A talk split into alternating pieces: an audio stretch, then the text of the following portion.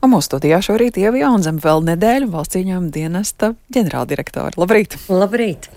Nu, Nedēļa šķiet ir daudz vai maz tomēr? Cik daudz darba jums vēl ir redzot, ka arī studiju jūs esat atnākusi ar pamatīgu dokumentu mapi? Reformas vēl var iesākt, var vēl, var vēl kādu atlaist? Uh, ja, es nedomāju, ka vajadzētu atlaist pēdējā nedēļā. Es domāju, ka pēdējā nedēļa ir tāda pārskatis un apskatis nedēļa. Un, jāsaka, tā šo, šonadēļ plānoju braukt uz robežu, atvadīties no muitas kolēģiem, kas šobrīd dara grūto darbu attiecībā uz sankciju uzraudzību.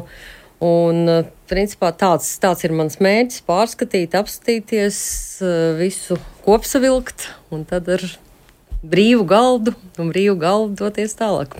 Tad, nu, droši vien daļu no šī kopsavilkuma varam vaicāt arī mēs, kas ir tas, ar ko jūs lepojaties, ko jums ir izdevies panākt. Uh, jā, es gribētu teikt to, ka pirmkārt skaitļi runā paši par sevi. Šo pēdējo piecu gadu laikā budžets ir audzis par 4, 4 miljardiem un parādi ir samazinājušies par 17%.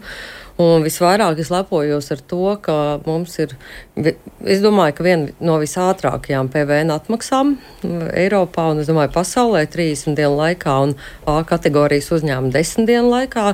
Pagājušajā gadā mēs esam atmaksājuši 1,4 miljārdus, tas nozīmē atgriezuši apritē Es lepojos ar to, ka katru gadu mēs saņemam vairāk kā miljonus eh, iedzīvotāju deklarācijas, un atmaksāts tiek 200 miljoni. Šobrīd jau no dažām tas termiņš ir nevis kā likumā noteikts trīs mēneši, bet eh, no dažām dienām līdz eh, vienam mēnesim. Tās ir tās lietas, ko, ar ko man tiešām, man, nevis man, bet manai komandai ir ko lepoties. Un, Eh, tas, kas vēl ir ļoti svarīgi, ka šobrīd, eh, ja man, eh, man bija dots uzstādījums sniegt labu servisu pakalpojumu godīgiem uzņēmumiem, tad viens no galvenajiem jautājumiem bija, kā atšķirt godīgo no negodīgā. Man, nākamajam ģenerāldirektoram par to vairs nebūs jādomā, jo šobrīd reitinga sistēma ir ieviesta un viņa darbojās.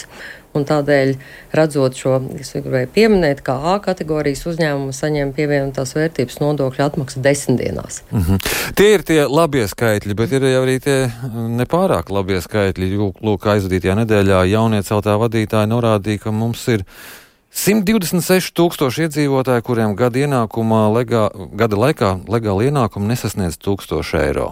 Nu, kā šie cilvēki dzīvot, tas ir jautājums. Un Jā, jāsaka tā, mēs tieši ar kolēģiem no citām ministrijām, jo šis ir tāds valstisks fenomens, jūs jau ziniet, es agrāk strādāju labklājības ministrijā, un, un es redzēju, un es ne tikai redzēju, bet arī tikos ar cilvēkiem, kas tiešām dzīvo no ļoti nelieliem resursiem, un tā ir viena kategorija, tātad tie, kur saņem sociālo palīdzību, un otra ir daļa, kas ir atraduši sevi šajā ēnu ekonomikā, kuri kuri tiešām dažādu iemeslu pēc nav nekad vai arī ļoti tādiem īsiem periodiem strādā legāli, un principā viņu vecumdienas ir lemts pilnīgai neveiksmēji, finansiālai neatkarībai.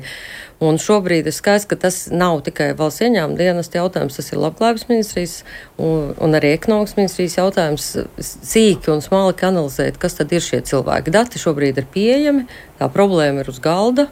Viņa ir zināma bijusi arī iepriekš, un tas ir jāizdara. Un tas ir ēnu plānā arī iekļauts. Tad ēnu ekonomikas problēma risināšana tas ir tas, eh, ko jums neizdevās. Atrisināt to laikam nav iespējams. Neviens, neviena pasaules valsts to nav izdarījusi. Es šeit nebūšu bijis tas brīnums, brīnum cilvēks, kas to izdarītu. Man izdevās par spīti krīzēm, ka tika runāts, ka krīzē notiek ļoti augsts ēnu ekonomika, un to arī prognozēja visi ekonomisti, ne tikai Eiropā, bet arī pasaulē. Mums izdevās noturēt stabilu. Tas priekš eh, tās dziļās krīzes, kas bija tīri nu, eh, laikā, kad nedrīkstēja strādāt. Ja, tas bija viens no grūtākajām krīzēm, ja, kad nevar strādāt. Tomēr noturēt uh, iepriekšējā līmenī un pēc mūsu datiem arī pat nedaudz samazināt. Tā nebija, tas nebija slikts rezultāts. Kur ēna ekonomika ir izdevies samazināt? Ēnu ekonomika ir izdevies samazināt gandrīz visos sektoros, bet nedaudz. Jā, pēc mūsu datiem tas ir pusprocents. Un, eh, jāsaka, tā nav jau tādas mistiskas ēnu ekonomikas. Tā ir mūsu darba, tie ir mūsu uzņēmumi, kuri daļu no ienākumiem neuzrāda. Tātad, ja ir ļoti drastisks metods, kā teicam, ļoti ambiciozi, ja, tādā gadījumā tad tas jau tiek izņemts no šī brīža ekonomikas. Un jāsaprot, kā sabalansēt šīs abas lietas. Un, ja es teicu, ka ir pieaudzis par 4 miljārdiem ieņēmumi, Tas nozīmē, ka daļa no tā noteikti ir nākusi no ēnu ekonomikas, jo mēs redzējām, ka uzņēmumi, kas agrāk maksāja mazāk, un ir tiešām bija tādā ļoti zemā līmenī, tad šobrīd tās vismaz par 10-20% arī viņi ir audzējuši. Tas nozīmē, ka, ka tas ir pozitīvs rezultāts. Es ceru, vēl vairāk tas būs. Tas ir viens no faktoriem, kas nosaka, kurā kategorijā ir uzņēmums. Jā. Tieši tā. Cik viegli no tās labākās ir ieslīdēt mazliet sliktākās kategorijās, kas visticamāk uzņēmumam ir svarīgi arī, piemēram, dažādos iepirkumos. Nu, tā ir situācija, ko var uz mēnesi salabot, lai būtu labs uz to brīdi, un pēc tam atkal nelikties nezims. Nē, to nevar salabot uz mēnesi, tas tomēr ir ilgtermiņa vismaz pusgadu. Tāpēc arī mēs uh, gājām uz to, ka tas ir tomēr ilgtermiņa vērtējums uzņēmumam. Bet eh, pusgads tas ir normāls laiks, kurā uzņēmums var mainīt savu uzvedības modeli. Daudziem uzņēmumiem nav tālu A kategorijai tikai tad, ja viņš laicīgi izpildīs tikai divas saistības, iesniegs deklarāciju un samaksās laikā, jau tad viņam ir lielāks, daudz lielāks izredzes būt A kategorijā. Diemžēl uzņēmumi kavē, un tas arī ir jautājums par parādiem. Kaut gan jāsaka, situācija ar uh, fizisko, juridisko personu parādiem arī ir būtiski uzlabojusies. Un arī šeit jāsaka tā, ka tas bija Covid laikā, jo, lai saņemtu atbalstu, bija jāslēdz šie, šīs vienošanās. Tur bija milzīgs uzrāviens.